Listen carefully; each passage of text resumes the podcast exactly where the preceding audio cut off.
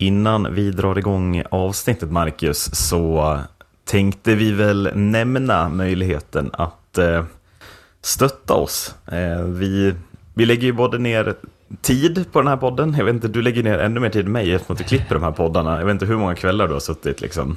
Mm. Eh, men det dels tid är pengar och sen har vi också en liten kostnad varje månad eh, för olika typer av material och program som vi använder för att kunna skapa podcasten Sverige ut. Eh, och eh, känner man som lyssnare att man vill stötta podden och ge, ge podden möjligheter att fortsätta eh, längre eh, så vill vi nämna att vi har en Patreon om man vill stötta oss. Då går man in på patreon.com snedstreck sarg ut podcast i ett ord. Eh, och där finns det tre olika stöttningsmöjligheter. Det är väl framför allt två stycken. Den som är två euro i månaden eller den som är tre euro i månaden, alltså ungefär 25 eller 35 kronor. Mm. som är en väldigt liten kostnad för en eh, lyssnare, eh, men skulle betyda jätte, jättemycket för oss om man ville stötta den här podden för att eh, minska omkostnaderna och möjliggöra poddens fortsättning. Grenberg, Grenberg går via sargen bakom huvudet, så vi får in fast, där kan vi mål! Mats Sundin gör 1-0 för Sverige! Svensson för Claesson och det kvitterat! Så kommer lägg och pucken ligger fri och den går i mål! Zibanejad har ni sett, har ni sett?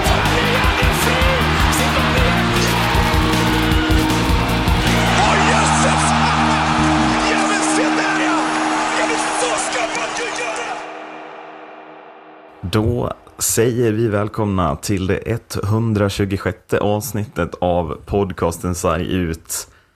Vilken hockeyvecka det har varit, Marcus. Oh, Vad det har varit. eh, Alltså det har varit... Jag vet inte vad vi ska börja men alltså det är ju så mycket. Både speciella resultat, speciella, alltså allting. Har, det har Mm. varit så otroligt mycket speciellt. Ehm, men vi kan ju inte, inte börja i någonting annat än i Albin Lundin och linjemannen på blå linjen i matchen Timrå. Vilka mötte de? Jag har ingen aning. Mot Örebro va? Örebro var det. det, stämmer nog va? Ja. Det är liksom ingen som har någon notis om den här matchen, utan det är bara den här händelsen eh, som är hela grejen. Det är verkligen Ja. helt unikt på det sättet. Eh, ja, men precis. Timrå Örebro. Mm.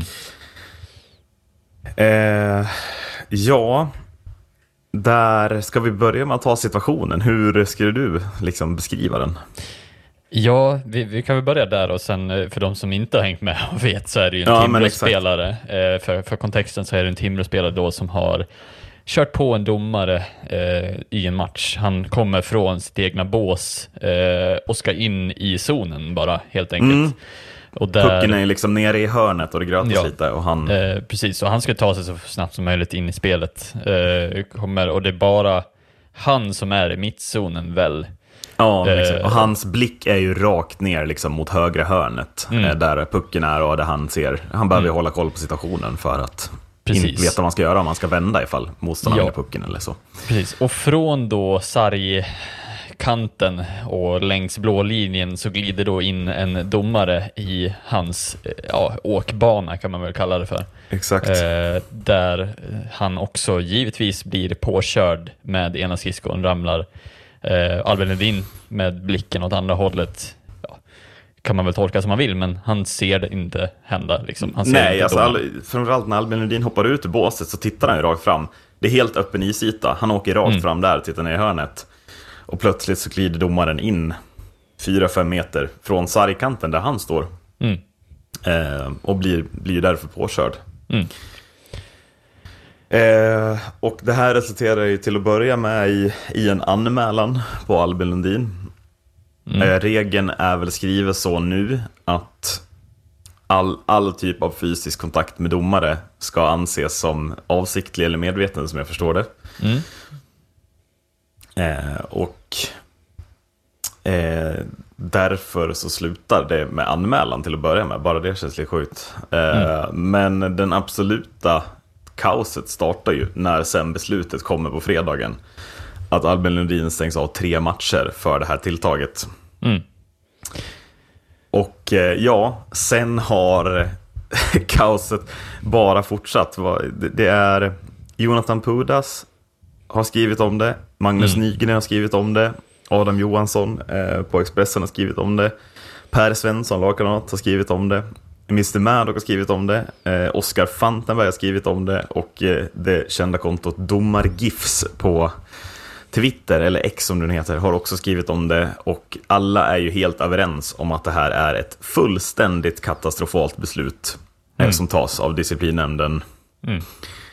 Och ja, eh, disciplinnämnden den här veckan framstår ju för mig som ett gäng pajasar, om jag ska vara helt ärlig. Jag tycker att det här är, eh, alltså det här är ju fog för att sparka hela skiten, tillsätta nya människor. Jag tycker att det är så katastrofalt, katastrofalt uselt beslutat. Eh, så jag vet knappt var jag ska börja. Hur känner du? Ja, nej men alltså det blir ju någonting annat när det börjar vara så att till och med att spelarna själva känner att ligan i sig tappar eh, ja, men ett rykte och tappar eh, hela liksom så här, respekten också för en hel eh, sån beslutsdisciplinnämnd eller vad det nu än är. Mm. Eh, och ja, nej, jag, jag vet inte. Och, och, och sen vet inte om vi ska gå in på vad vi känner och tycker kring den här situationen. Jo, men det måste vi göra. Eh, måste vi väl gå in på varför vi känner att det är så, så pass fel beslut ja, som det är. Jag, eh, försöker, jag, jag försöker liksom ska sätta ord på det här. Hur, hur, alltså, hur känner du då? Bara, hur vill du liksom?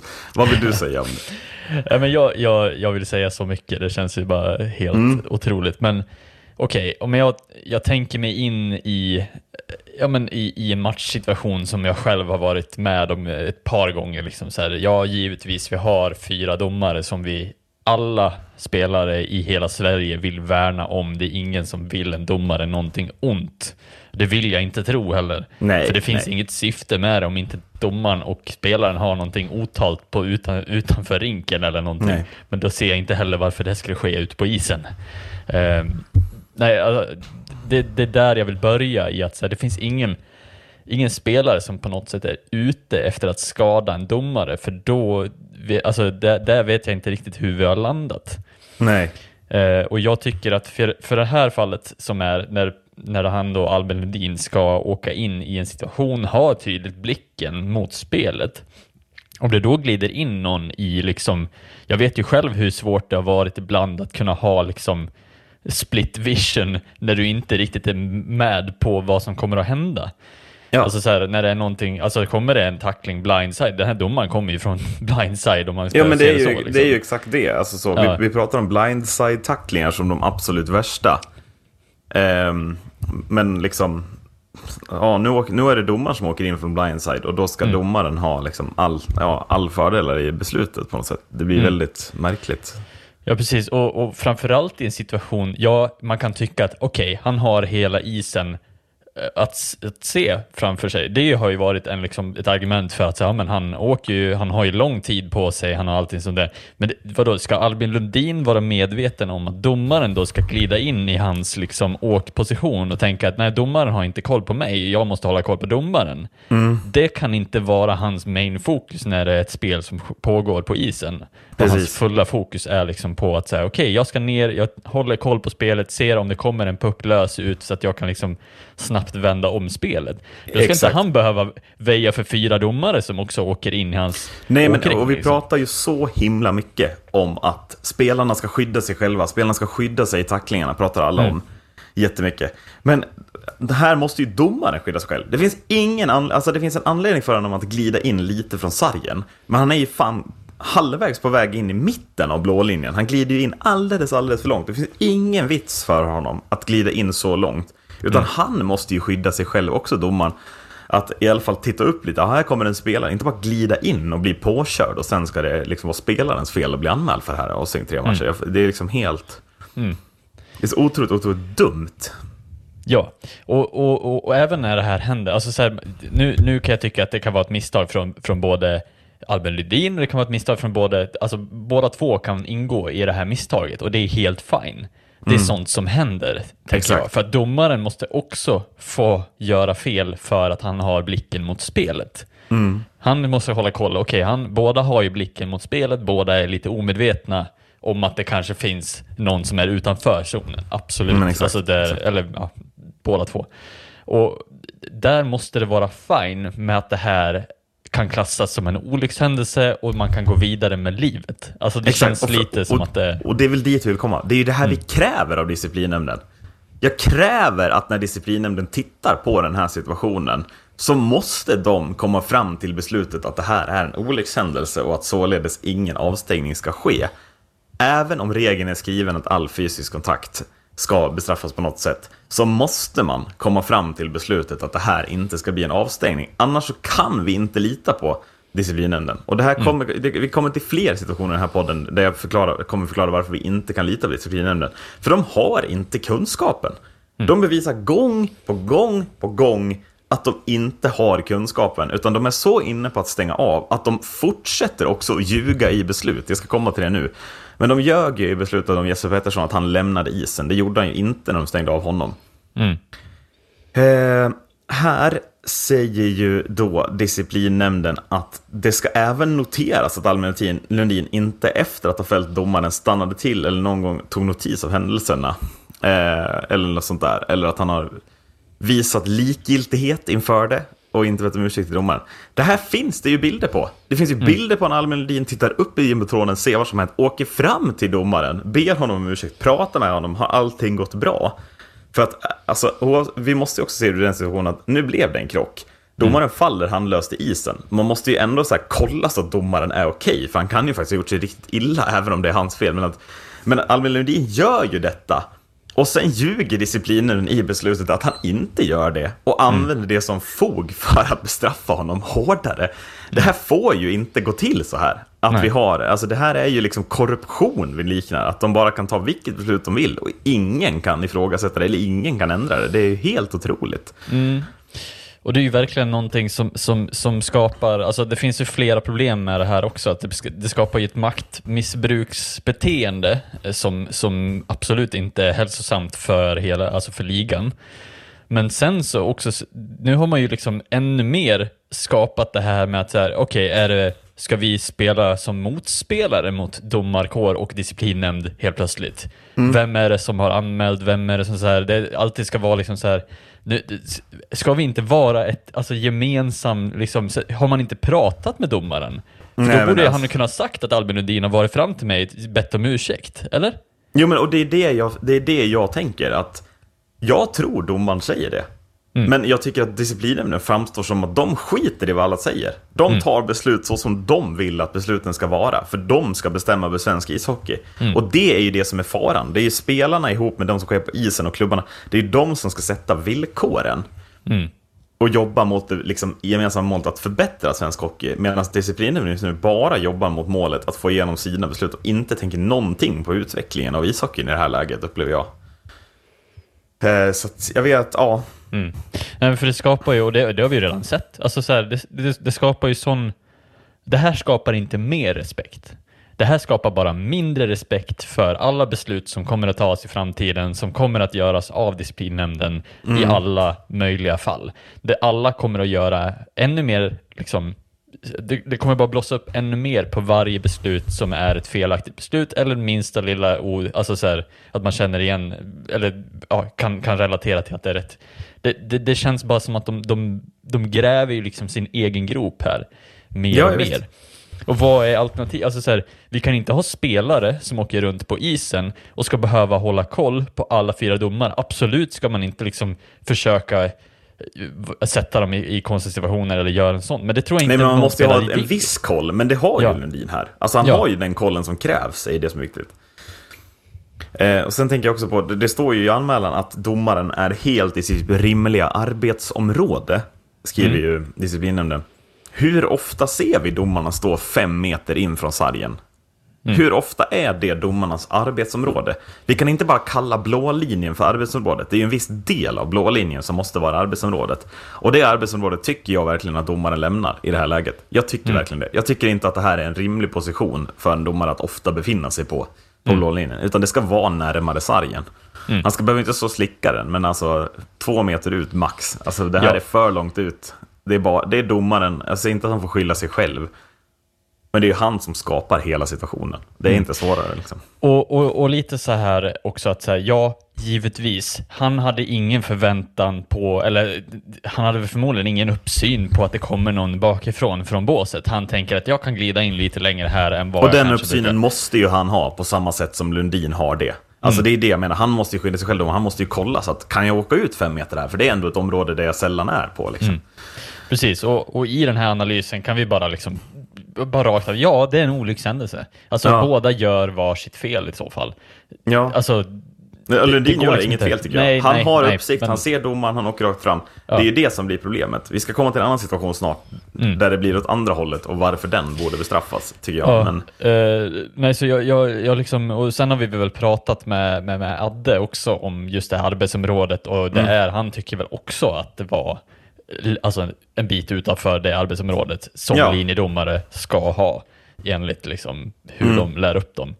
Eh, men sen, eh, alltså jag vet inte riktigt vad, alltså är alternativet att vi ska börja ha stationära linjedomare in i båset för att de inte ska liksom ha riskerat att bli påkörda? För jag blir liksom så här, vad fan ska vi, vad kan vi göra? men, men, men, men, det, nej, men det tänker inte jag. Jag tänker att det vi kan göra är att bara... Det man hade kunnat gjort är att konstatera snabbt. Det här är en olyckshändelse. Domaren ville göra det, liksom, han ville se bättre situationen Mm. han skulle se på. Han tog ett beslut att åka in för att komma närmare. Helt rimligt av honom. Det blev en kollision med Lundin. Och sen hade man bara kunnat släppa det och gå vidare. Mm. Och säga att ja, men det blev en olyckshändelse. Domaren ville, alltså så. Och då Ja. hade ing, alla hade köpt det. Det är klart Ja. det kan ske olyckshändelser. Och i det Ja. här fallet så, både Lundin vill komma närmare spelet och ha uppsikt över det, och domaren vill också komma närmare spelet för att kunna göra rätt bedömning. Det kanske är någon tight offside eller liknande. Mm. Och det måste man förstå. Men vi kan inte behöva, liksom gå, vi kan inte behöva gå till någon liksom beslut om att ja, men vi ska ha, de ska stå i båset, eller vi ska ha stationära, eller vi ska ha kameror. Utan det enda vi hade behövt göra var bara gå vidare och konstatera Ja. att DN inte hade behövt bli inkopplade. Det Ja. är dit jag vill, att vi bara går vidare. Men istället så är det ju DN själva som sätter sig i situationen att det är omöjligt att gå vidare ifrån. Mm. Där hela hockeysverige, alltså titta spelarna som har gått emot. Det är Magnus Nygren, det är Oskar Fantenberg och det är Jonathan Pudas. Det är liksom tre av SHLs absolut profilstarkaste spelare. Mm. Som har typ lagkapten C allihopa. I några av de tre bästa lagen. Som liksom dessutom... Eh, det är ju inte alltså jag menar, de spelarna måste du ju ha på din sida. För att är inte de på din sida, då har de tio spelare som lyssnar till dem i sitt lag, som, in, som också liksom in, alltså, hänger med i det här. Utan du måste ha rätt spelare på din sida, och det är verkligen de här rutinerade, skickliga spelarna som du vill ha på din sida som domare. Då får Ja. du med dig många fler. Ja, precis. Ja, det, och jag vill bara förtydliga att det är inte så att jag vill att, att domarna ska stå i båset, men alltså så här, vad, är, vad är det som disciplinnämnden vill att vi ska liksom göra Precis, åt det, åt andra och sidan? det är ju intressant. Vad vill disciplinnämnden ha om det här ska Mm. bestraffas? Det är ju intressant, tycker jag. Mm. Och, och det är väl, ja, då, de vill väl att kameror ska börja döma. Alltså, det är väl där vi hamnar snart. Ja. För att de gör, ju de gör ju ingenting för att skydda sina egna domare heller. Nej. De, gör, de står ju inte på domarnas sida. Om, om någon tänker att ja, men disciplinen bara försvarar domarna. Absolut inte. Nej. För då hade, de satt, då hade de tagit ett beslut som inte satte domarna i så här dålig dager. Här, att det framstår som att domarna tycker att det här är hemskt. Liksom. Mm. Ja, det bla- landar bara att det, vi blir bara känsligare och känsligare för mindre grejer. Det här Mm. skapar ju bara helt, ett, helt ett större... Vi liksom, skapar polarisering helt i onödan. Det är Mm. det vi gör. Ehm, Ja, Eh, vi går istället vidare eh, till en mycket mindre match än Örebro-Timrå. Men Tingsryd möter ju Östersund hemma på fredagen, på tal om matcher ingen följde. mm. Eh, och där sker ju en liknande situation. Får jag bara först fråga dig, den här regeln om att all fysisk kontakt med domaren ska vara straffbar, vad, vad känner du kring den? Alltså, jag tycker att ja, den regeln finns och den regeln ska väl följas. Finns av en anledning? Ja, Ja. precis. Mm. Och då kan jag också köpa att du ska inte på något sätt fysiskt beröra domaren när Mm. du står och pratar med domaren efter situationen. Precis. Det är där jag kan köpa att där är det med uppsåt Mm. att röra domaren i så fall. Precis, och, men man som spelare har också ändå ett ansvar att verkligen... Alltså, jag tycker, som sagt, jag tycker Albin Lundin tar det ansvaret. Han gör vad han kan för att inte träffa domaren. Han kollar situationen, ser domaren stå vid sargen, då kan jag åka här och sen åker han plötsligt på honom. Men om vi istället tittar i den här matchen Tingsryd-Östersund, så Mm. Anton Lundmark åker ju på domaren. Eh, och det här blir den här situationen där jag förstår varför den här regeln finns. Mm. För att då är det också en situation i hörnet, i höger hörn. Domaren står med, eller liksom ska backa ifrån den situationen längs sargen. Anton Lundmark står på blå linjen i Tingsryd, ska åka ner och hjälpa den situationen. Han ser domaren i hela sin åkväg. Domaren backar mot honom och kan alltså inte på något sätt se Anton Lundmark i ryggen. Eh, Mm. och blir då pååkt av Anton Lundmark. Jag vet att det inte är, det är inte på något sätt meningen av Anton Lundmark att åka på honom. Men i sådana här situationer så förstår jag varför regeln finns. För att det här måste, här måste, jag tycker att det är rätt att Lundmark straffas här. För att det är för klumpigt av honom att åka på domaren här. Domaren måste kunna backa ifrån situationen längs sargen utan att bli pååkt av en spelare från blå linjen. Den spelaren måste kunna ta en extra halvmeter in i banan för att undvika domaren här. För han ser tydligt domaren, det gör inte Lundin. Och domaren kommer från blindside mot Lundin. Här är domaren mitt i synfältet. Så att jag tycker att vi, om, om vi ser den här situationen så kan man inte klaga för mycket på regeln. För här får lite Anton Lundmark skylla sig själv tycker jag. Ja. Det är faktiskt han som är klumpig nog att situationen, att det är han som fäller domaren. Han får, även om det inte är meningen, men det är för klumpigt av honom. Han måste se till att bara undvika domaren där. Det är inte svårare, eh, tycker jag. Ja. Och det är också så här, ja absolut, det är en olyckshändelse som är lite mer åt det klumpigare hållet. Att ja, han, han borde kunna ha bättre ansvar i den situationen för att domaren Precis. kan inte ha, kan inte lägga det ansvaret på domaren just i det Nej, och tillfället. domaren, det är det jag tycker också. Domaren tar sitt ansvar här. Domaren backar ifrån situationen i hörnet för att inte råka ut något fysiskt där. Han åker längs sargen. Då tycker jag domaren har tagit det ansvar som krävs. Då måste Lundmark ta sitt ansvar. Och det gör inte han. Även om det inte är hans liksom, intention att träffa domaren här. Men han tar inte det ansvaret som krävs ute på banan. Alltså med att undvika domaren. Så enkelt är det. Sen kan jag också tycka, det är mitt eget tycke, Mm. eh, är också att i en sån situation, det är grötigt, domaren är medveten om att det är många spelare som rör sig i området och som kommer att komma in från olika vinklar. Jag tycker att domaren ska ha, ja, om en, alltså kanske vara lite mer försiktig där i den situationen och veta att han kan inte bara Mm. rakt, så rakt upp och ner backa bakåt utan att anta att det finns fler spelare i den situationen. Det är Nej, mitt egna tycke. Ab- ab- Eh, absolut. Det är Men- jag tycker Jag tycker fortfarande att i, i, vad, hur gör domaren för att liksom mest, alltså så här, om domaren står kvar en meter nära sitt grötsituation i hörnet, det är ju större chans att han blir träffad av någonting fysiskt, en klubba eller handske eller något som flyger upp där, Mm. än om man backar ifrån de här metrarna. Då har han bara Lundmark i ryggen. Och då måste man kunna ställa krav på Lundmark att ah, men du kan fan inte åka på domaren här liksom. Nej. Ehm, så jag, jag förstår avstängningen på Anton Lundmark utifrån det här att domarna ska skyddas väldigt mycket. Men man, om vi säger att de här två situationerna, det blir samma avstängning för samma förseelse med samma typ av motivering i besluten. Mm. Det är ju där vi är på väg, rakt ut i avgrunden i hur man bedömer situationer. För man kan inte titta på de här situationerna och tänka att det här är samma situation. Det kan vi bara inte göra. Nej. Utan, utan ser man på Lundmark-situationen kontra Lundin så finns det ju bara att Lundin blir friad. Det finns ingenting annat liksom. Nej. Ja, jag håller med. Och, och samma, alltså så här, jag tycker också dock att eh, den senare, nu tappar jag namnet på honom igen. Lundmark. För att Lundmark. Att den Mm, ja, det är är, ingen back man kan mycket om det. Är inte. eh, Nej, precis. Men det är ju, alltså, jag kan tycka att den är lite väl hård, straffet i sig också. Alltså så här, Ja, ja, tre, tre matcher, matcher är är för långt. tufft. Det är det, Det- verkligen. Det, där är jag med dig. Mm. Mm.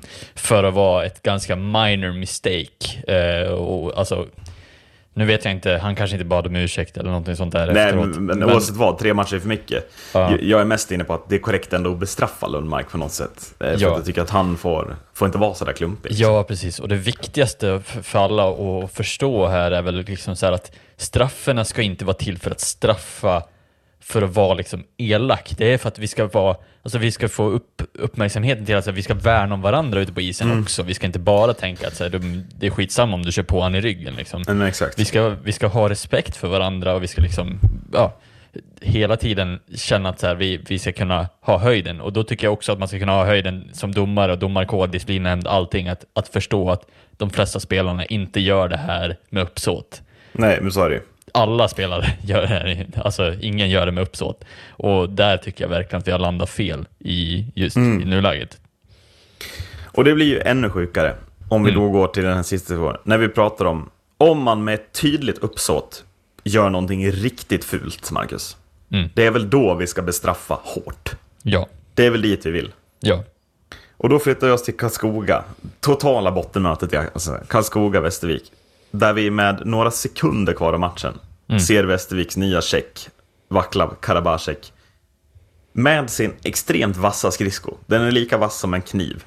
Mm. Sparka med full kraft mot en annan spelare, helt medvetet, Mm. med sin skridsko. Ja. Hur många matcher tycker du är rimligt att om man sparkar någon med en skridsko i ishockey? Alltså om du ser skaderisken, om du ser vilka följder det kan ha om det här träffar fel. Mm. Alltså det här är upp mot låret på, på liksom Wilhelm Westlund. Mm. Träffar det inte ett skydd där, då skär han ju av liksom en ganska stor åder i kroppen. Alltså det skulle Mm. blöda rejält. Jo. Vad hade du tyckt var rimligt för den här förseelsen? Alltså vad, när du såg den här situationen, vad tänkte du? Det här, var- hur många matcher tänkte du det här, det här Jag skulle bli? skrev, jag skrev väl 48.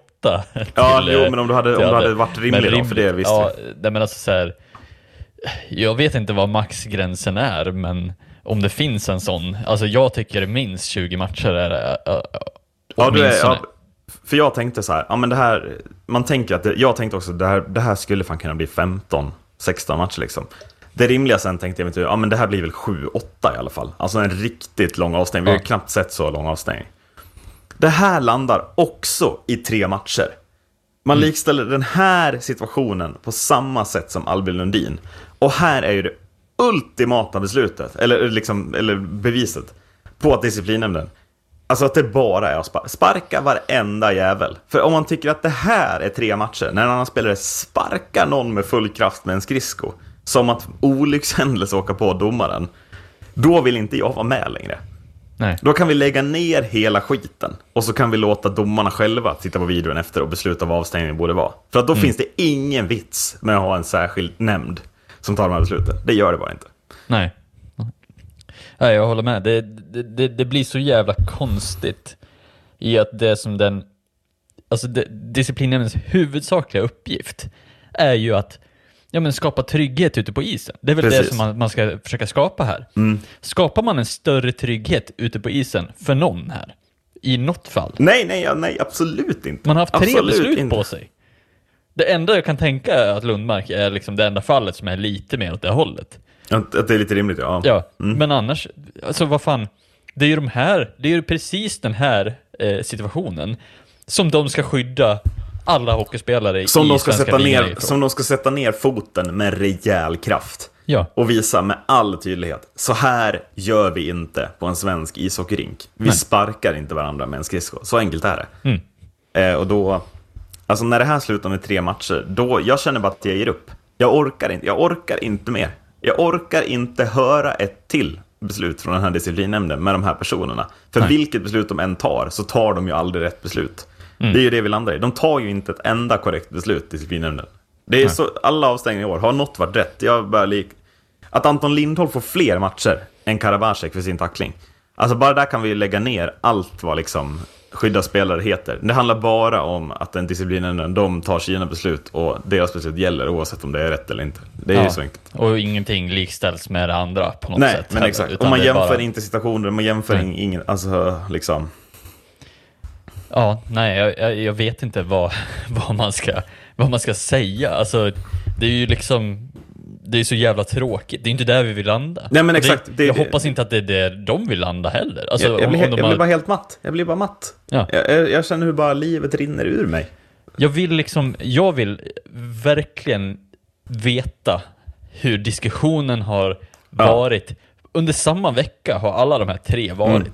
De har ju fått upp det på samma bord. Det är inte så att det är ett år mellan de här händelserna och de inte kan Nej. jämföra med varandra. Utan de har alla på bordet samma vecka i princip. Mm. Det kan ju inte vara tre olika personer som inte har pratat med varandra. Eller vad, alltså så här, det, det, det måste ju vara exakt samma personer som bara känt att okej, det här och, är tre matcher. om, det är någon, liksom- om det är någon slags så här, varje situation ska bedömas enskilt, sluta med den skiten. Mm. Börja jämföra. Vilka situationer ska bli hårdast bestraffad, vilka ska bli liksom minst bestraffad? För det är ju så man kommer fram till skalan. Ja.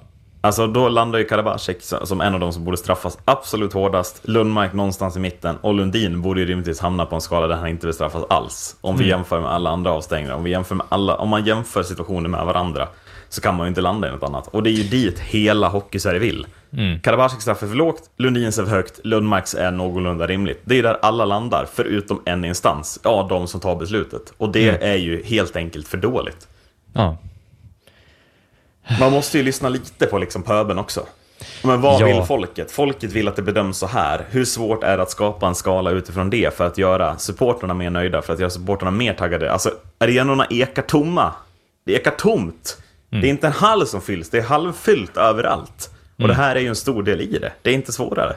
Nej, det blir ju att folk tycker att det är en, en, en oseriös liksom, syn på hela beslutstagandet. Och då att det är ju underhållning liksom- som inte är ja. värd att betala för längre. Ja, precis. Både på, och man tappar respekten för domarkåren, man tappar respekten för disciplinnämnden och man tappar respekten för ligan som helhet. Och, och spelarna tappar ju respekt för varandra. Om det är okej att sparka någon med en skridsko och bara få tre matcher, då kan man fan börja göra vad som helst. Ja.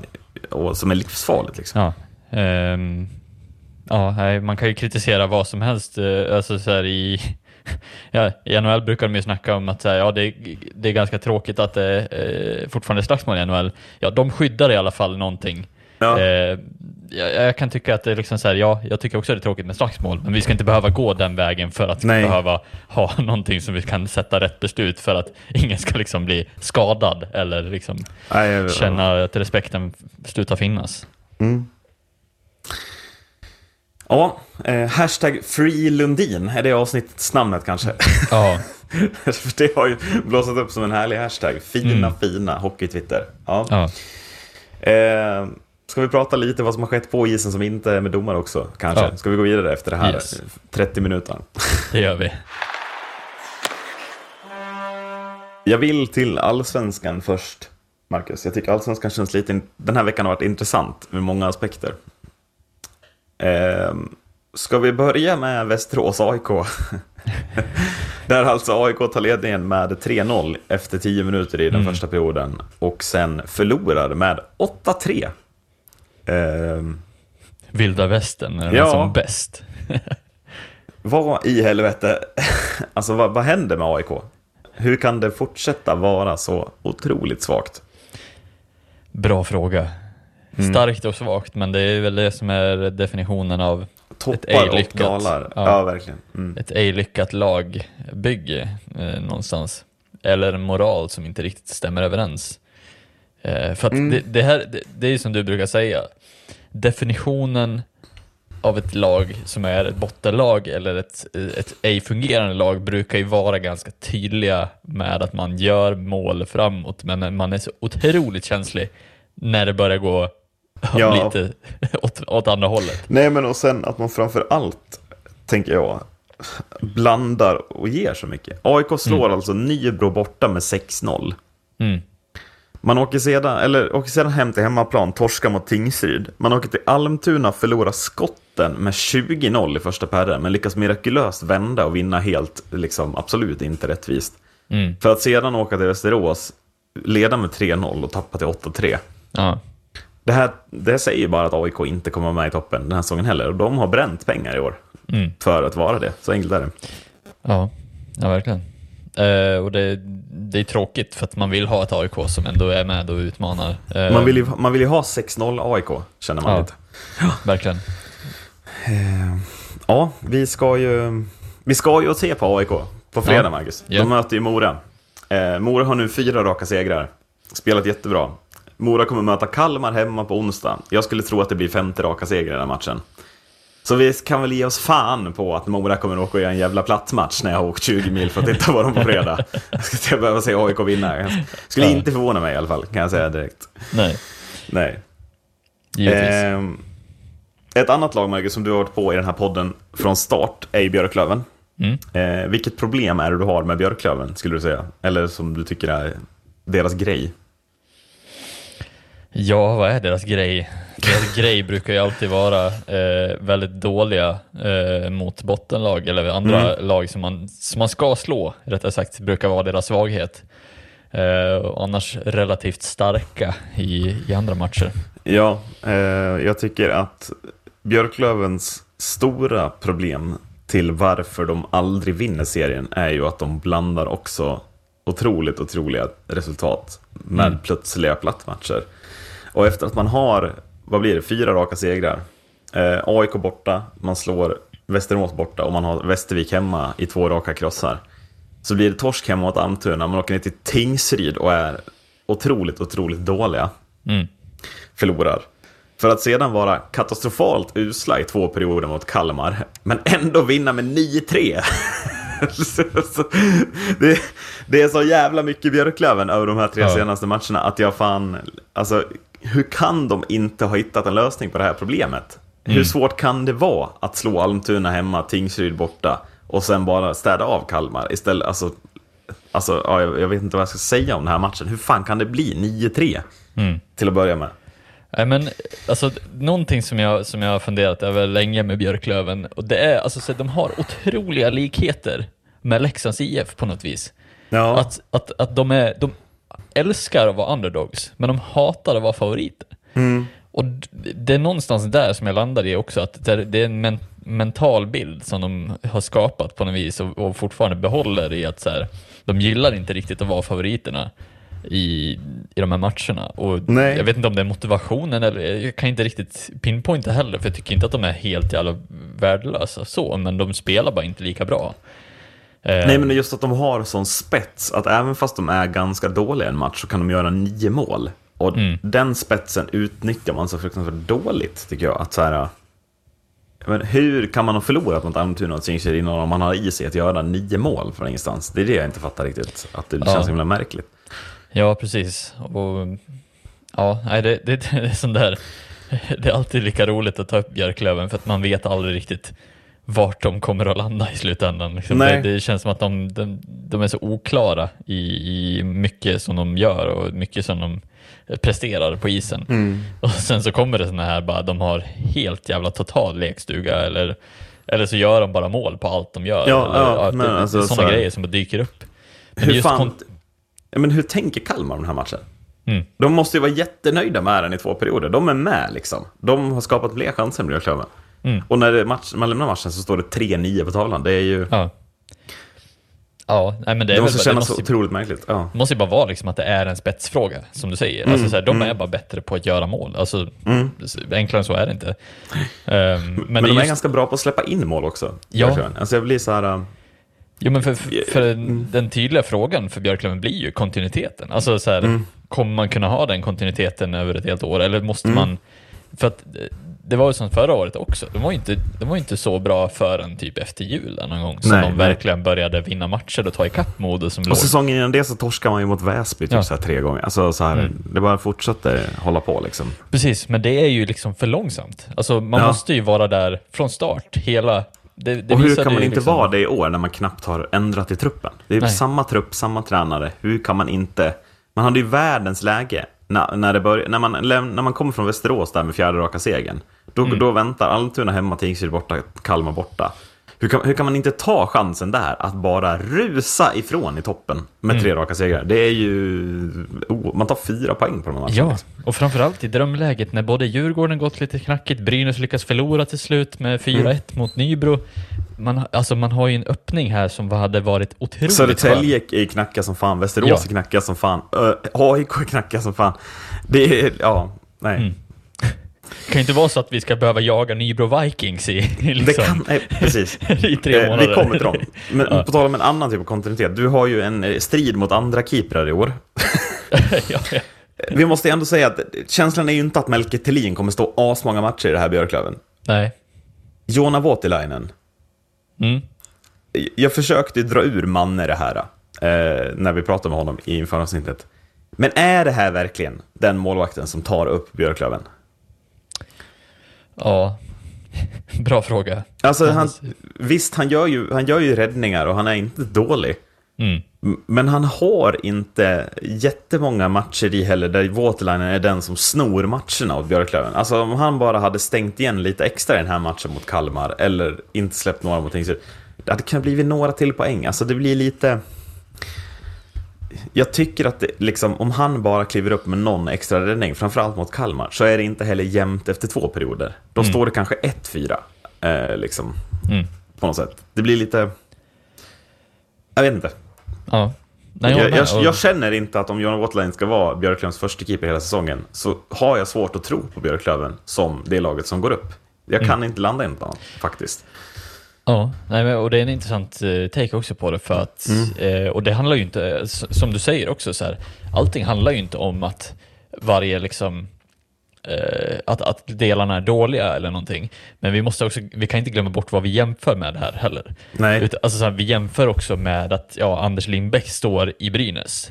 Mm. Eh, det finns liksom en, alltså det måste finnas den typen av, av spetskvalitet i slutändan för att det ska liksom bära hela vägen. Eller man måste bygga den spetskvaliteten och vara säker på att den existerar. Exakt. Oavsett om det är potentialen i Waterline som bara behöver höjas lite grann eller vad det nu än är. Ehm, det var ju inte jättemånga som trodde på eh, alltså, eh, eller alltså, trott på andra målisar som har gått upp heller riktigt, men ibland så kanske det krävs bara att man, man övertygar om att det här är den målet som vi har valt och sen att eh, han Mm. bara kommer till jobbet. Men kommer du ihåg när Modo värvade Bartoszak? Ja. Vem var det ni hade som första keeper då? ja, vem var det som vi hade som första keeper då? Jag tycker att det här är ett så bra exempel, om vi bara kommer på det här. Eh, var det, nej, var det Tex? Nej, Var det Tex? Det kanske var Tex. Vilket år är det här? det är, Snabb googling i podden. det är 2020 när vi, Ja, när de stängde ner säsongen va? ja men just det, det är den sången. Mm. Det är Erik Hanses. Ja, just det. Precis. Ja. Som är li typ lika bra den säsongen Mm. som, som eh, Waterlinen är i Mm. år, ska jag säga. Ja. Och Hanses är liksom inte dålig, det är inte dit jag vill. Mm. Men när Bartoszak kommer in så är det den här pusselbiten som man känner behövs för att mm, Modo skulle kunna gå, Modo går härifrån att vara en lite outsider till att verkligen vara en utmanare. Och jag tror att Björklöven kommer behöva göra en målvaktsvärvning. Mm. Jag tror Björklöven kommer behöva lägga mycket pengar på en riktigt bra målvakt framåt slutspelet. Mm. För som det ser ut nu, om man rankar de här lagen, jag håller Lindbäck högre, Moras nya gubbe Ignashev håller jag absolut högre, kan jag säga. Jag håller, eh, vilka har vi mer? Jag håller eh, Lindbäck högre, ja men alltså jag håller de här, jag håller dem före Waterlinen. Mm. Och om Waterlinen går sönder dessutom så ska vi ju inte prata om att Melke Thelin får ett ansvar på sig som är alldeles för stort för att lägga på en 05 eh, Det är inte svårare liksom. Så att frågan är om det inte är en liten blessing eventuellt för Björklöven om Waterlinen skulle gå sönder. Att man tvingas göra en målvaktsvärvning eh, Mm. med högsta kvalitet. För jag tror att det kommer behövas. Ja, nej, jag håller med. Alltså det, Mm. det känns som att det finns eh, tydliga tecken just nu i alla fall på det. Sen eh, om, om inte annars så behöver Waterlinen verkligen övertyga oss varför vi har fel också. Mm, mm. Eh, så att jag, nej, jag tycker verkligen att det, det känns som att det är den vägen som bör gå. Och det är som du säger, det finns alldeles för många målisar som man värderar högre. Även Andrén från Djurgården tycker jag är, Ja, värderar verkligen. högre. Och den här Scholl i Södertälje Ja. känns ju som att det är en spetsvärvning. Nu, Mm. Vi kommer till Södertälje senare, men Precis, jag tror att man, man, man ska inte jämföra vad det är för typ av målis i Hockeyallsvenskan. Man ska jämföra vilken målis det är i förhållande till de lagen man ska utmana Precis. att upp. för att Björklöven kommer ju utmana i toppen. Ja. Det vet vi ju. Liksom. Och, och gör Per Kente det Per Kente är bra på, att, att analysera och, och sen ta ett beslut på vad, vad man behöver, så tror jag ändå att han kommer att inse det Mm. själv till slut också. Jag hoppas att vi har rätt i slutändan, för annars tyvärr så tror jag vi kommer se ett Björklund som faller kort Mm. igen. Igen ja. Som du säger också. Ehm, vi går till Brynäs då. Som Mm. förlorade. Till Ja. sist förlorade de. Mm. Och det känns ju otroligt fräscht att Ja. Brynäs efter en torsk mot Nybro om bara några timmar äntrar Dackehallen en söndag eftermiddag och ska hitta motivationen till att slå Tingsryd borta. Vi ser hur det går. det skulle vara mycket upplyftande om det blev Mm. Krampaktigt här. Mycket, Ja. mycket upplyftande om det är en krampaktig match från Brynäs Ja. Men eh, det kan också bli inte det, det vet vi ju. Men Precis. Ja, men det, det, det är mycket det här som vi har förespråkat. Att så här, Ja. hur, hur det motiverande... är det här vi vill se. Det är det här vi vill se. Vi vill se en sån här typer av matcher från Brynäs. Att det, Ja. man faller kort mot Nybro och sen väntar Tingsryd borta en söndag eftermiddag i Dackehallen. Ja, nej, men precis. Alltså, så här, det är just, det här är det ultimata hockeyallsvenska testet för Mm. ett lag som Brynäs. Komma ner med en SHL-typ av lag, SHL-typ av spel eh, och, och ska liksom försöka hitta någon form av motivation på hallar som har liksom lite konstiga mått i sargen och lite konstiga blå linjer eller någonting, en jävla konstig måltuta och sen liksom ha motivation till att stå inför 300 pers inne på. Nej men alltså så här, det, Ja. det känns, alltså så här, det, det är ju det här som, som blir utmaningen om Brynäs tar sig igenom. Jag menar 4-1 mot Nybro, det är en ganska ja, det, det är en ganska rejäl förlust ändå mot ett Ja, lag som är- är nya i Hockeyallsvenskan. Och, och ännu roligare är att Nybro skjuter 13 skott. Att Ja. det liksom är... Det är den här typen av förlust också. Brynäs Precis. har 30-35 skott. Mm. Är bättre i matchen, men att man, man faller kort bara på... Alltså, och, och bara, alltså Nybro, såg du Liljas arena? Alltså jag trodde fan arenajäveln skulle ramla till marken, vilket jävla tryck det var. Ja, Och de ja, står är liksom en meter från sarg, eller en, halv, Ja. en centimeter från sargen. Och slår bort det helt sjukt. Ja, men det är ju så man vill att, att, att eh, arenan ska vara utformad. Ja, jag menar, alltså, är- hade alltså- Hovet varit hela vägen fram till sargen, ja, alltså jag visst. hade stått där varje dag typ. Alltså det är så jävla tryck i Liljas arena. Nybro kommer vara med så jävla på allvar den här säsongen. Det är helt sjukt alltså. Ja, men det är kul också. Alltså, hellre, Mm. hellre att Nybro, jag känner ju det är så otroligt fräscht att det inte är Vita Hästen. Alltså, Nej men det blir verkligen. liksom Nybro Eller som är... Kristianstad ska vi väl inte prata om? Liksom. Ja, men, precis. Nej, så jag tycker att det är kul att, att de kan verkligen steppa upp här och visa att Mm. de har ju motivation. De vill ju slå Brynäs med varenda liksom, millimeter av deras eh, vilja som existerar. Och Exakt. det måste ju Brynäs också förstå här, är att så här, ja, Nybro kommer inte spela Mm. fantastiskt fin hockey mot Brynäs. De kommer bara vinna. Alltså de vill bara vinna matchen och om de Mm. kommer kontra in 13 skott till 4-1, ja då kommer de att göra det. Ja, och det är exakt. väl det som vi insåg också, Modo, när vi kom ner första gången. Så här, vi kan inte spela vårt finlir mot de här lirarna, för de kommer, Nej. de kommer bara vänta på ett misstag eller en Och det, är, och det är ju precis det här, det är det här du har pratat om så mycket och samma sak som jag, jag tänker med Björklöven nu. Skit i hur det ser ut. Vinn bara matcherna. Det är det Ja. det handlar om. Det handlar om att lämna med poäng. Som Mora mot Västervik liksom. Ja. Borta. Det handlar bara om att åka därifrån. All, inga fans bryr sig om hur spelet ser ut. Det handlar bara om att åka därifrån med så många poäng som möjligt hela tiden. Mm. Och det är ju verkligen... Mm, det är svårare än man tror. Ja, ja, precis. För jag har inte sett ett enda bra spel i Västerviks hemma, hemma Nej, nej, men alltså verkligen, det, är, det går ju liksom inte. Mm. Ehm, men Brynäs kände väl att försvarsspelet var inte tillräckligt bra, Marcus? Så Nej. vad gör man då? Jo, man värvar Jordi Ben, som tydligen ska spela hockeyallsvensk hockey. Jordi Ben ska åka och lyssna på, det är så skönt att se Mora göra mål. Jordi Ben ska åka och lyssna på Tutan i Västervik. Och Jordi Ben eh, ska åka till Nobelhallen. Ja, men jag orkar inte. Jag orkar inte! Ja, nej. Jag blir så matt. Jag, Ja. kan de värva någonting annat än en jävla NHL-back i det här läget? Alltså, jag blir så trött. Jag blir så Vi trött. behöver fylla på lite mer. Vem finns ledig? Ja men fan, Jordi Ben ser ganska bra ut. Eh, vad kostar han? Ah, det har vi råd med.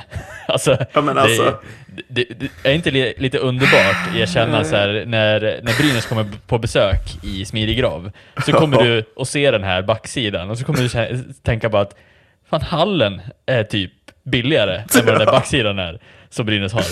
Mora Eh. drar in mindre pengar på all publik den här matchen än på att Jordi Ben står där. Ja, men alltså, Ja. jag blir så trött. Jag blir så trött, jag blir så trött. Det är så, det är så, det är så kört. Ja. Ja, men det är ju otroligt ur, ett, så här, om, om vi tänker bort hur mycket han kostar och att Brynäs har råd med honom, vilket är otroligt störigt i sig, så är det ju en otroligt rolig profil att ha i Jo, men okej, Hockeyallsvenskan. om, om vi är lite allvarliga då.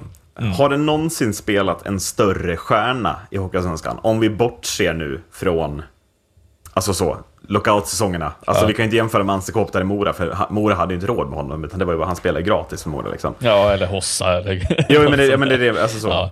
Är det, alltså, det här är väl, är det den största spelaren som någonsin spelat Hockeyallsvenskan? Är Kryger större? Alltså jag vet inte. Men, alltså var alltså, är jag- vi rent rankingmässigt med den här gubben? Ja, men jag kan tycka, alltså så Kryger, ja det är ju en större stjärna egentligen. Alltså det är Ja. en högre upp i hierarki NHL-spelare egentligen. Mm. Men Jordi Ben utifrån att det inte har en koppling till att säga, ja Marcus Kryger är ju från Djurgården, han kommer inte spela något annat lag än Djurgården. Exakt. Oavsett var de har legat.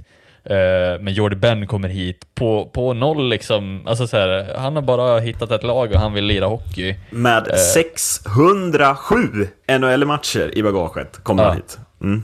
Så att utifrån den aspekten är att han, han har ingen koppling till Brynäs överhuvudtaget. Nej, Då kan jag tycka att det är den absolut den sjukaste värvningen någonsin. Sjukaste ja, men, ja. Ja. Vad tror vi om en 36-årig kanadick som aldrig varit utanför liksom, Nordamerika då?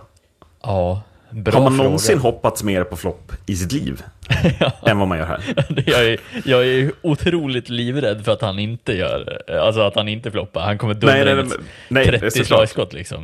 Ja, han kommer vara så. Ehm. eh, eh, Ta pucken av alla oavsett. Liksom. Ja. Och bara åker och tar den så. Men, men om, vi, om vi, vi ändå leker med tanken att han, det är ändå en 36-åring. Som all, Mm. Han är ju inte världens snabbaste. Liksom. Kan det bli flopp? Finns det någon scenario där det här floppar? Ja. Eller är det bara för bra kvalitet? Ja, alltså det, grejen att nu är ju Brynäs redan ett bra lag, så det är inte Mm. så att han måste liksom tung, tynga upp det här backsidan på sina axlar liksom, utan det är ju ett tillskott som är otroligt starkt och sen att om Brynäs kan fortsätta spela bra hockey så kommer han ju givetvis att, att passa in ganska bra där i. Sen Mm. är det frågan hur mycket kommer man utnyttja honom? Kommer man se honom som en potentiell liksom spetsspelare att avgöra eller kommer man se honom mer som en defensiv? Jag ser honom mer som en defensiv back Ja, än vad jag verkligen. ser honom i första PP. Man ser, in ja, nej, men man ser honom i första boxplay Ja. och liksom så, inne mycket speltid när man leder. Precis, och där, alltså där tycker jag ändå att så här, det måste också Brynäs inse här också, så här, att det kanske inte är rätt att sätta in honom att, att, att avgöra i PP eller avgöra, alltså så här, vara en offensiv pjäs här. Eh, för då kanske man är fel på det.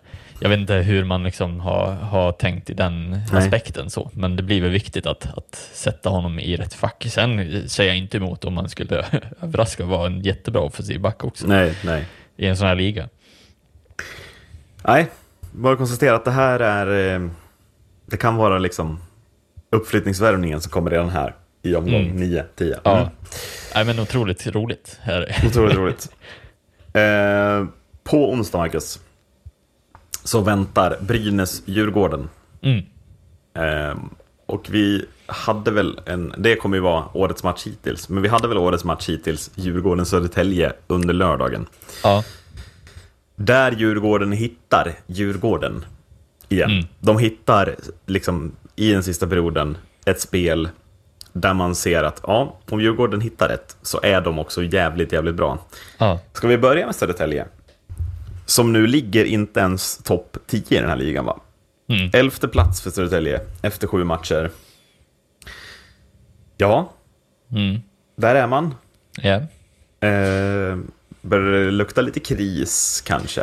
Man fortsätter att se Ja. rätt bleka ut på många sätt. Liksom. Alltså, det, det, som kan, det som ändå kan vara lite till Södertäljes försvar tycker jag är att det känns som att alla lag har haft knackig inledning av någon jävla anledning. Men inte så här knackig va? Nej, nej, absolut inte. Men alltså så att man, man kan ändå ursäkta sig att ha en lite trögare start. Ehm, Ja.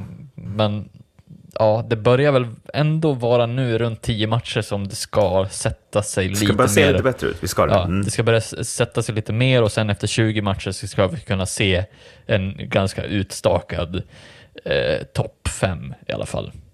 Mm. Tycker jag. Eh, och där så måste man ju börja inse att så här, det börjar vara liksom, ja, man, bör, man måste kunna se någonting i, i spelet, man måste kunna se någonting i, i vägen framåt. Liksom. Nu förstås möter man Djurgården, Djurgården är kanske ett av de bästa lagen i den här serien att hämta upp ett underläge. Ja, och det är väl fortfarande inte Djurgården borta man tänker på Södertälje. Nej. Alltså så. Det är fortfarande Västerås hemma, Almtuna borta, Kalmar hemma som är de värsta. Segrarna man tagit är väldigt övertygande. Ny, eller Östersund 7-1, Nybro 5-0. Mm. Mora är premiären, tycker jag fortfarande man kommer undan.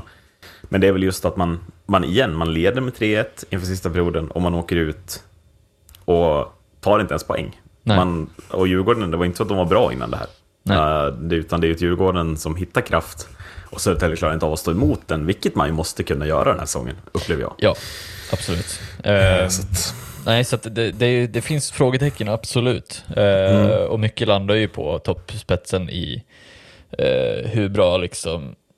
Nu har ju ändå försvarat Widell att han kanske har en, en, en liten trögare start, men de andra spelarna tycker jag, Blomstrand, David Turgeon, det är liksom alla de här tycker jag ska kunna bära SSK i en kris också. Det måste de ja, kunna för visa. att Mark, Marcus Eriksson har gjort 10 poäng.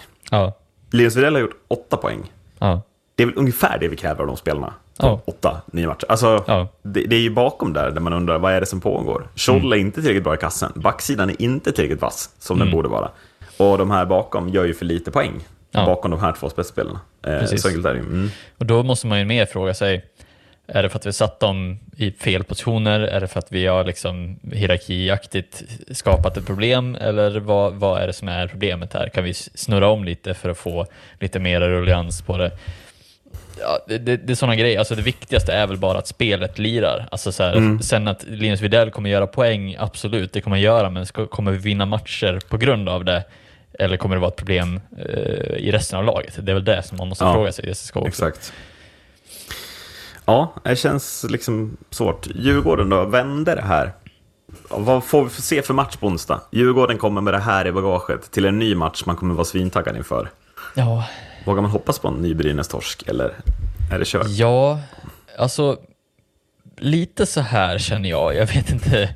Är Andrén skadad? Jag, är han det? Eller är det bara jag som har missat Eh, nej, varför det är han... väl inte. Nej, varför, alltså, Det är så väl att, var- att Hävelid har varit bättre hittills? Har jag. han det? Jag, jag, jag Ja, Andrén stod igår, jag vet inte vart du vill. Eller vad? Ja, nej, jag, jag bara, jag, hopp, det jag hoppas är att Andrén står i målet, tycker jag, mot Brynäs, för att han Ja, har det rutinen. Det är dit jag vill kanske lite.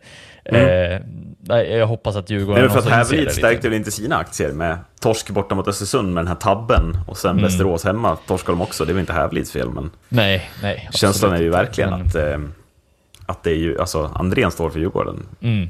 Men jag Eh. hoppas att de inser att rutinen är lika viktig som, alltså, som Mm. själva talang och prestation också. Mm.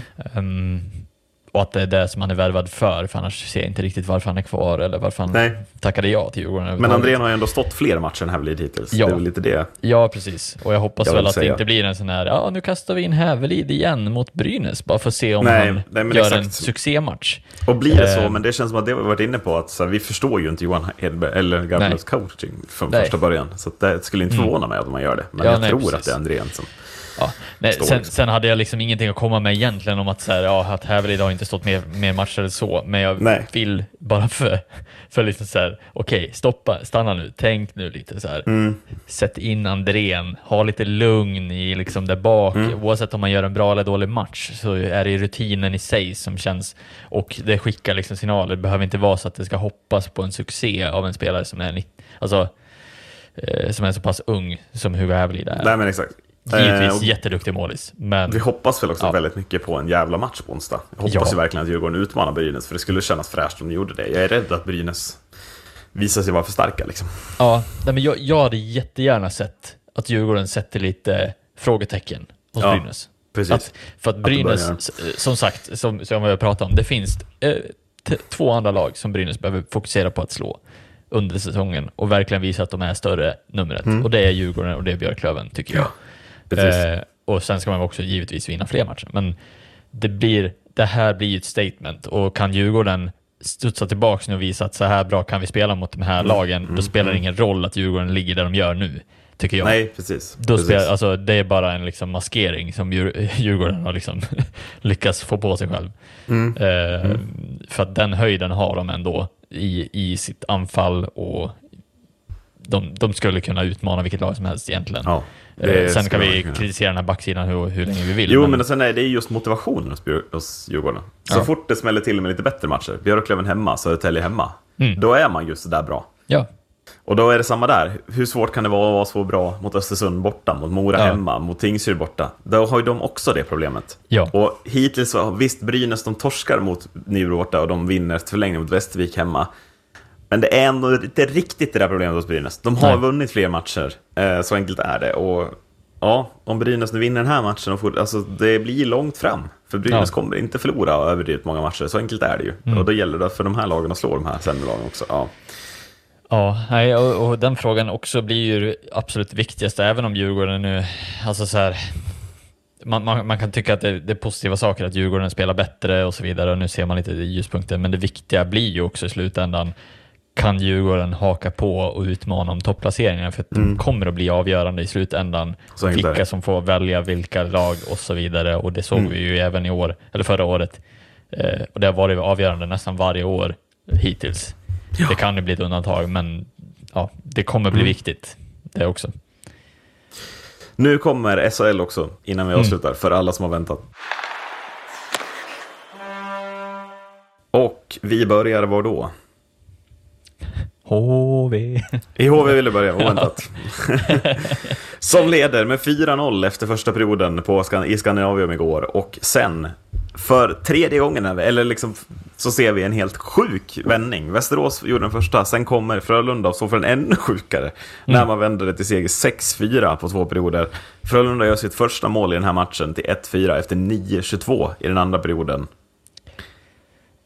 Ja, Mm. Ja, nej men alltså, och, och, du får ju bara mer ved i din eld, höll jag på att säga. Det, det, det känns ju som att HV är precis där man inte vill att man ska vara. Eh, Nej.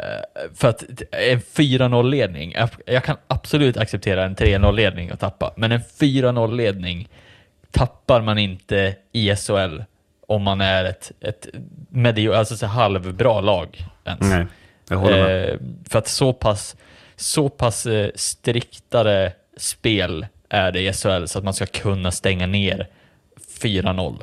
Det kan vilket lag som helst annars göra. Ja, nej, det är Tycker jag. ju... Det är ju helt sjukt hur man kan förlora den här matchen efter den här första perioden. Alltså... Mm. Utdelningen i första perioden också, vi, vi, men alltså man gör alltså fyra mål på sju skott. Eh, Mm. Man får Frölunda byta målvakt och sen ja, Mm. bara faller man platt igen. Och det här är andra gången man tappar. Man tappar mot Färjestad hemma på samma sätt. Eh, Mm.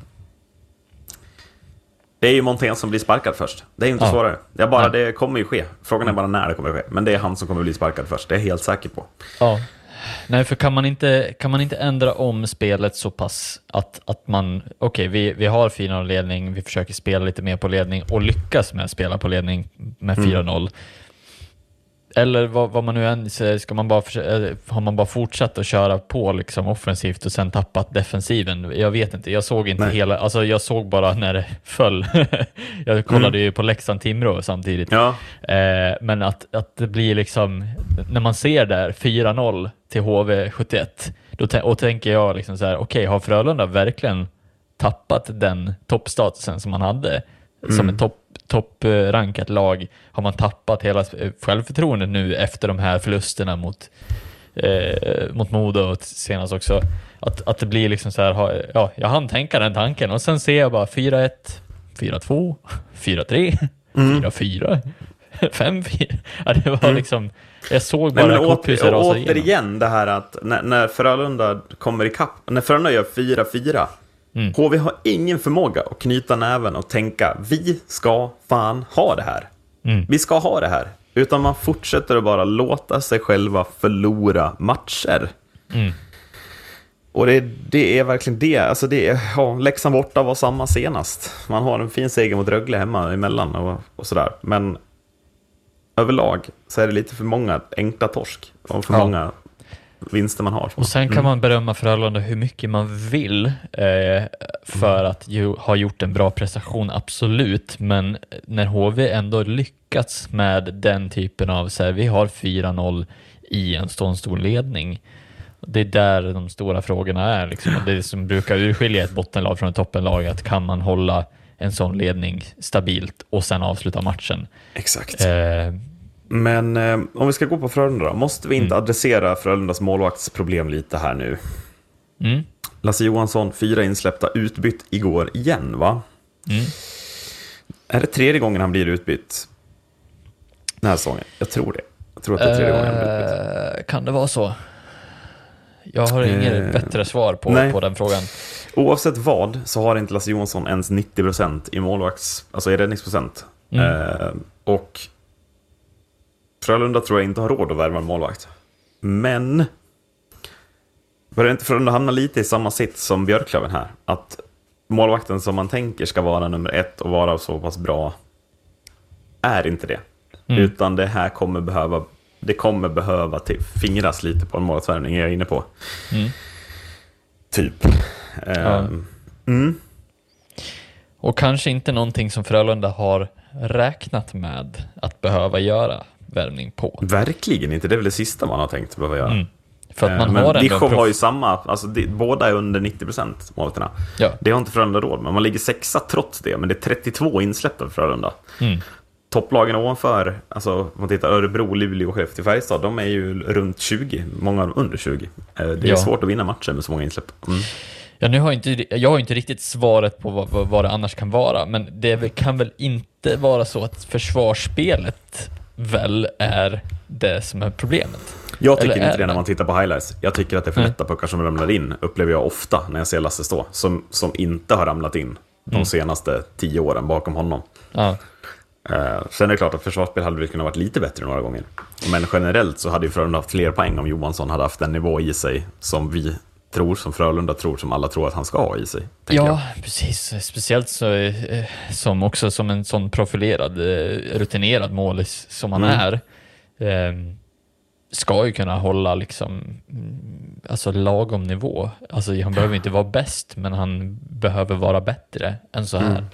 Det är väl allt vi kan liksom begära och Mm. vad han förmodligen begär av sig själv. Ja. Eh, Jag kan nog inte tänka mig att han är nöjd med, eh, med hur det ser ut och måste ju också förstå att Frölunda kommer att börja ha sina frågetecken och sina tvivel på att det här är rätta vägen för att kunna uppnå det som man har som mål, att, att vara ett topplag i den här tabellen. Liksom. verkligen. Eh, För det kommer inte hålla i längden om inte målisen är den som Alltså så här, all, om alla andra gör sitt arbete och målisen ändå inte kan hålla tätt, ja då är det liksom, finns inga andra möjligheter. Eh, oavsett vad, Mm. hur dåliga HV är, hur dålig Lasse Johansson är, hur dåliga Rögle är, eh, hur svårt Leksand har att vinna matcher eller ta poäng i matcher. Så eh, tror inte jag att något annat lag än Oskarshamn åker ur. Eh, man slår alltså Färjestad borta och följer upp det med en ganska platt insats hemma mot Malmö när man har alla chanser i världen att visa på nytt att man är på väg uppåt i tabellen. Men det är ju ett tydligt bottenlagsbeteende. Vi var väl Ja. inne på det, men att man, eh, man hittar inga vägar att vinna fler matcher i rad. Utan det Nej. kommer någon seger här och där, men det är generellt förluster, förluster, förluster, förluster som, Mm. som äger rum. Liksom. Ja. Ja, det och det är ju tråkigt. Alltså, det är klart att Oskarshamn Tråkigt hade att det lite... blir så här utkristalliserat. Ja. Att det inte känns som en riktig kamp i botten på något sätt. Mm. inte. Eh, för vi, nu hade de ändå gått in i, vi sa det inför säsongen också, att så här, Oskarshamn har gått in i den här kostymen att man börjar se dem som ett, ja, men Mm. ett etablerat SHL-lag. Ehm, men eh, Och det någonstans- blev deras fall, Ja, att se det. Mm. Precis. Och det kanske var deras fall, alltså rent mentalt också. Att man, bara, man ser sig själv inte som att man har man, har, man hade inga förväntningar på sig de tidigare säsongerna. Nu kommer förväntningarna. Helt plötsligt så börjar korthuset falla. Mm. Man Och har- varför faller det då? Undrar jag. Ja. Om vi tittar på poängligan. Lodin, sexa i poängligan. Mm. Liksom, Ja. jag vet inte. Det är väl inte... Karlqvist och gänget är ju med där uppe. Liksom. Ja, men det, det är väl bara inte... Man lyckas inte ta tre poäng helt enkelt. Det Nej. Svårare än så är det inte. Det är en Ja, tuffare... Jacek och Karlqvist sju poäng var. Lodin har gjort eh, tio. Känns ju som de utpekade sex liksom, spetsspelarna på något sätt. Ja. Och då undrar jag, vart sitter problemet? För man har gjort alldeles för lite mål. Det är alltså ingen annan som gör mål då? Eller vad är...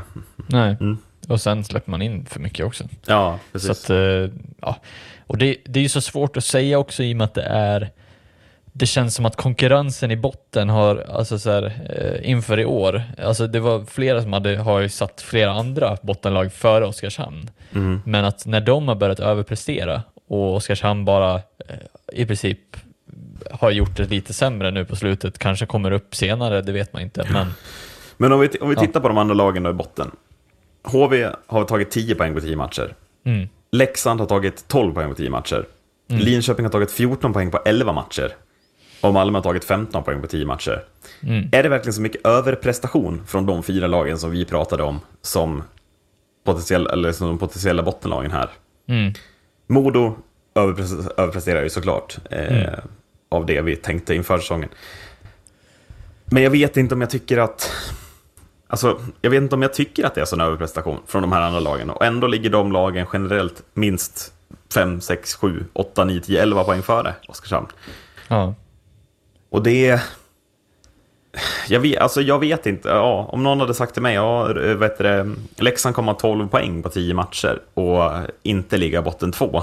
ja, Ja, jag vet. Så att Oskarshamn är sju poäng bakom Leksand med de siffrorna är, är inget annat än dels för dåligt Oskarshamn, men, Ja. men att det också... jag tycker kanske inte att de här bottenlagen har överpresterat så mycket. Malmö kanske har tagit någon poäng mer än vad jag tänkte. Ja. Men annars så är det ju, om man bortser från Rögle som ligger där i botten och Växjö som ligger där i botten, så är det ju de där fyra lagen vi pratade om som är där. det, är liksom det, det är liksom det, ja. Ja, nej men och, och sen är det väl frågan om man ändå har gjort, alltså så här, nu kan det vara så att man har gjort för lite mål i förhållande till vad man Mm. borde ha gjort, även om de här toppspelarna kommer till, till jobbet och gör, ja. Jo, gör men det har man ju. Man har gjort 18 mål. Ja. Och de här tre toppspelarna är inblandade i liksom hälften av dem, basically alla tre. Mm. Så att där bakom finns det ingen produktion. För om man Eh, jämför är med de andra topplagen som är liksom så här, ja då är det 28, det är 29, det är 30 mål på de topp, Mm. eller alltså så här, Bottenlag, ja andra precis. bottenlagen som, precis. som, som bör vara bottenlag. Ja, nej, men, eller, men precis, även, och de är inte topplag. Alltså Malmö Nej. är de högst, de ligger åtta, de har gjort 28 mål. Ja, ja, jag vet inte om det är så mycket, det är Malmö som överpresterar lite, men Linköping, Mm. det är ungefär förväntat, 14 poäng på alla matcher. Jag tycker att Leksand är ungefär förväntat, jag tycker att HV är förväntat. Mm. Och ändå är de så långt före Oskarshamn. Ja. Ehm, och alla de har, ja. Leksand och Oskarshamn nu på torsdag blir ju väldigt intressant. Mm. Det är en sån där match som folk kommer prata om, åh det här är typiskt Leksand att förlora. Ja. Men jag vet inte om det finns någon som kan förlora mot Oskarshamn riktigt. Det känns så himla, himla, himla. Oskarshamn. Ja, just nu så är det bara Färjestad som har lyckats med den bedriften, vilket är lite... Ja, och Luleå i premiären. Liksom. Ja. Och då Ja, kände man, ja men Oskarshamn är på riktigt. De vann Ja. efter förlängning mot Luleå, det är en bra match. Och sen kom sju raka torsk. Och, ja. Ja. Det ska bli intressant att se utvecklingen Mm. av det och vad de gör. Eh, är väl det viktiga att se vad, vad, vad har Oskarshamn för medel att, att, att skapa eh, momentumskifte. Vi har Mm. sett HV göra redan värvningar eh, och så vidare. Så det känns ju som att de behöver också hitta någonting som Mm. kan förändra. För att, ja, kan man få en nivå till i de andra spelarna som man redan har, ja, då kanske man kan hitta tillbaks igen. Precis. Slutligen Leksand då. Mm. Eh, som har tagit fyra segrar på tio matcher. Ja, Eh, sen har man klara bortaförluster mot Färjestad och Frölunda, inte så mycket att säga om. Sen är det tre stycken uddamålstorskar. Och eh, en jobbig vändning hemma mot Örebro i premiären. Eh, men Leksand, Manta Samalis presterar ju inte heller, utan det är Filip Larsson som har tagit över första spaden. Varit fantastisk. Men ja, lite orosmoln Leksand. Svårt Ja. att vinna matcher. Svårt att ta poäng, alltså in, att man inte ens knyter till sig en, ett, en poängare eller två poängare i någon av de här jämna matcherna är ju oroväckande. mm. Och sen målvaktssituationen då, Filip Larsson måste typ hålla i den här kvaliteten, för annars kan det bli fall där också. ja, Ska vi plötsligt oroa oss mer för Leksand än vad vi har gjort hittills, eller? Ja, det ska väl också tilläggas att Mantas Ramalis var inte med på bänken igår, så det Nej. kan vara så att det är en skada eller någonting som Jo, håller men, honom borta. men, men, men om vi tittar på de Eh, åtta matcherna han har spelat, ja. Mantas, så är det ju då alltså 86 procent Ja. vi, vi landar i, va? Ja, vilket är en otrolig besvikelse även hos mig. Ja. Jag, jag var ganska inne på att det här var Leksands stora, eh, alltså stora del av att det här är det som kommer hålla dem som ett mittenlag eller högre. Ja, men För- då, Filip Larsson, ja, 95 procent på Filip Larsson Mm. hittills. Det är väl han då som ska göra det, eller? Ja. Vem, eller håller det i sig? Och Jag, jag, ja, jag skulle, känner lite så här, ja, jag hade varit orolig med Leksand plötsligt. mm, för jag, jag säger så här, Leksand ska vara otroligt tacksamma till att man har gjort ett otroligt bra sportchefsjobb och värvat Filip Larsson här Mm. och ha som backup. För att det är fantastiskt att han är ett sånt guldkorn som håller dem Precis, en av årets ju om ovanför. Ja, Mm. alltså det, det ska man vara otroligt tacksamma för, att man har uppbackning och tänkt på den sidan. För att hade Mm. inte Filip Larsson varit där idag, nu, ja, då hade man nog kanske legat där Oskarshamn ligger just nu. Mm, Alltså det mm. känns Nej, men just, lite Men just om man tittar också så här. Leksand gjort, de har gjort 25 mål framåt, så det finns 25 bakåt. 25 bakåt, inte katastrof. 25 Mm. framåt, inte asbra, men absolut inte katastrof. Mm. Och det har ändå bara landat i 12 poäng på 10 matcher. Ja. Ehm, mm. Ja, men alltså lite oroväckande någonstans, Mm. tycker jag man landar i. Att så här, men vad är det här på väg då? Ja, eh, jag, jag har en liten analys, jag Mm. säga. Jag, jag, jag satt och kollade eh, Leksand-Timrå igår. Eh, Jag Mm. tycker att det är två lag som ska vara ganska jäm, jämna eh, till vad Mm. de har för Och det är ju en förväntansbild. jättejämn match, får vi väl säga. Mm. Absolut. Eh, förväntansbilden är ju liksom att båda lagen ska vara med och utmana om en slutspelsplats, absolut. Mm. Eh, båda har två väldigt bra offensiva sidor, vilket inget av laget lagen riktigt visade upp någon form av bländade spel på igår kan jag säga. Nej. Men eh, det, jag, jag tycker att det är så otroligt fascinerande hur, hur man kan lyckas som, som en tränare som Hellqvist är med att, att vara väldigt tydlig med att hur han vill spela sina toppspelare, hur han vill liksom strukturera upp med att de här spelarna ska verkligen vara tongivande, allting och ändå landa i att Verno, Rivik, alla de här spelarna är totalt osynliga fram till typ sista minuten i Mm. tredje perioden. Hur kan det vara möjligt? Att, Mm, att, att nej, de är det- så otroligt intenserande i, i tre perioder. Känns som Hellkvist sitter lite lös också. Jag är, ju- alltså, känslan är väl att det är Cam Abbott, Hellkvist och Montén som sitter absolut lösast. Mm. Eh, på något jag sätt. alltså, nu får ju någon säkert rätta mig om jag har fel, men jag tycker inte att Leksand spelar dåligt. Men de har bara inte Men- den här extra kryddan för Precis, att... de, och det är det som känns så himla oroväckande för Leksand. Man spelar Mm. inte dåligt. Men man spelar inte så jävla bra heller. Nej. Alltså man, man blixtrar till ibland, då vinner man borta mot Modo och, och sådär hemma mot Rögle. Men, men det blixtrar lite för lite, det är lite för lite sprak liksom. Mm. Eh, och det känns som att Leksand, som för några säsonger sedan sprakade med de här gubbarna så jävla mycket, borde kunna spraka med dem igen om det inte är tränarproblem. Ja. Tänker jag. Nej, Ja. men och, och också framförallt när Rivik börjar som man gör i den här ligan eh, hittills. Ja. Att det känns lite som att ja, han borde kunna ta på sig rollen att i alla fall skapa chanser. Mm. Och det känns inte riktigt som att han gör det idag. Nej, nej, ändå. nej, jag håller med. För att det känns, alltså så här, och när det är sådana här matcher där det är jämnare matcher, han ska vara tungan på vågen i en sån här match. Samma som Jonathan Dahlén, samma som Anton Lander och de här spelarna. Alltså så här, alla de spelarna kändes så otroligt platta. Eh, och det kändes verkligen som att det var inte de som, som spelade hockey mot varandra. Det var resten av lagen Ja, men, bakom och, som och spelade det är också, om vi går in på Timrå är det väldigt oroväckande att, att det är ju det är ju framförallt Robin Hansel som behöver kliva fram som andra center och vara Timrås absolut bästa spelare. Mm. Och det är också, Timrå inte heller riktigt på väg åt rätt håll, upplever jag, med, med det. Men eh, tar ju poäng på ett annat sätt. De lämnar med tre här, och Mm. Leksand gör det inte. Det är väldigt talande, Ja. eh, tycker jag. Mm. Och det ska ju tilläggas, ja givetvis, Jonathan Dahlén gör ett väldigt snyggt slagskottsmål igår. gör ett plus ett igår, visst, han kommer Ja. undan. Men i övrigt, innan det, så är det ju lite för lite leverans från Dahlén, sett till Ja. vad många trodde. Mm. Och det känns liksom så här, nu har ju Dahlén verkligen visat upp att han försöker, han skjuter mest i hela ligan också, men det känns lite som att det bara är så här, de ska inte kunna vara så intetsägande, även Nej. Även Rivik, alltså det känns som att de ska kunna skapa lägen som är farliga nästan till varje byte de är inne. Mm, Det, det ska man kunna kräva av, av en sån toppspelare som, som Verno och Rivik och Dahlén och de här är. Mm. Men det är ändå så landar de i att de inte får ut det av någon jävla anledning. Och då kan man bara landa tillbaka att det är ett coachproblem eller det Mm. är ett form av liksom, det kan inte vara självförtroendet som, som tryter hos Rivik eller Verno eller vad som än är. Nej, jävligt intressant. Eh, vi får se var det landar. Mm. Eh, nästa vecka, Marcus, så poddar vi live i samma rum. Eh, Mm. Vi tänker oss någon form av podd samtidigt som tre matcherna rullar i SHL. Vi får se Ja. hur det konceptet funkar, men då vet lyssnarna vad ni har att vänta er i alla fall. Mm. Eh, fram till dess, vad borde Oskarshamn göra mot Leksand? Ja, de borde spela sarg ut. De borde spela sarg ut. Tack för att ni har lyssnat. Hej då! Hej då.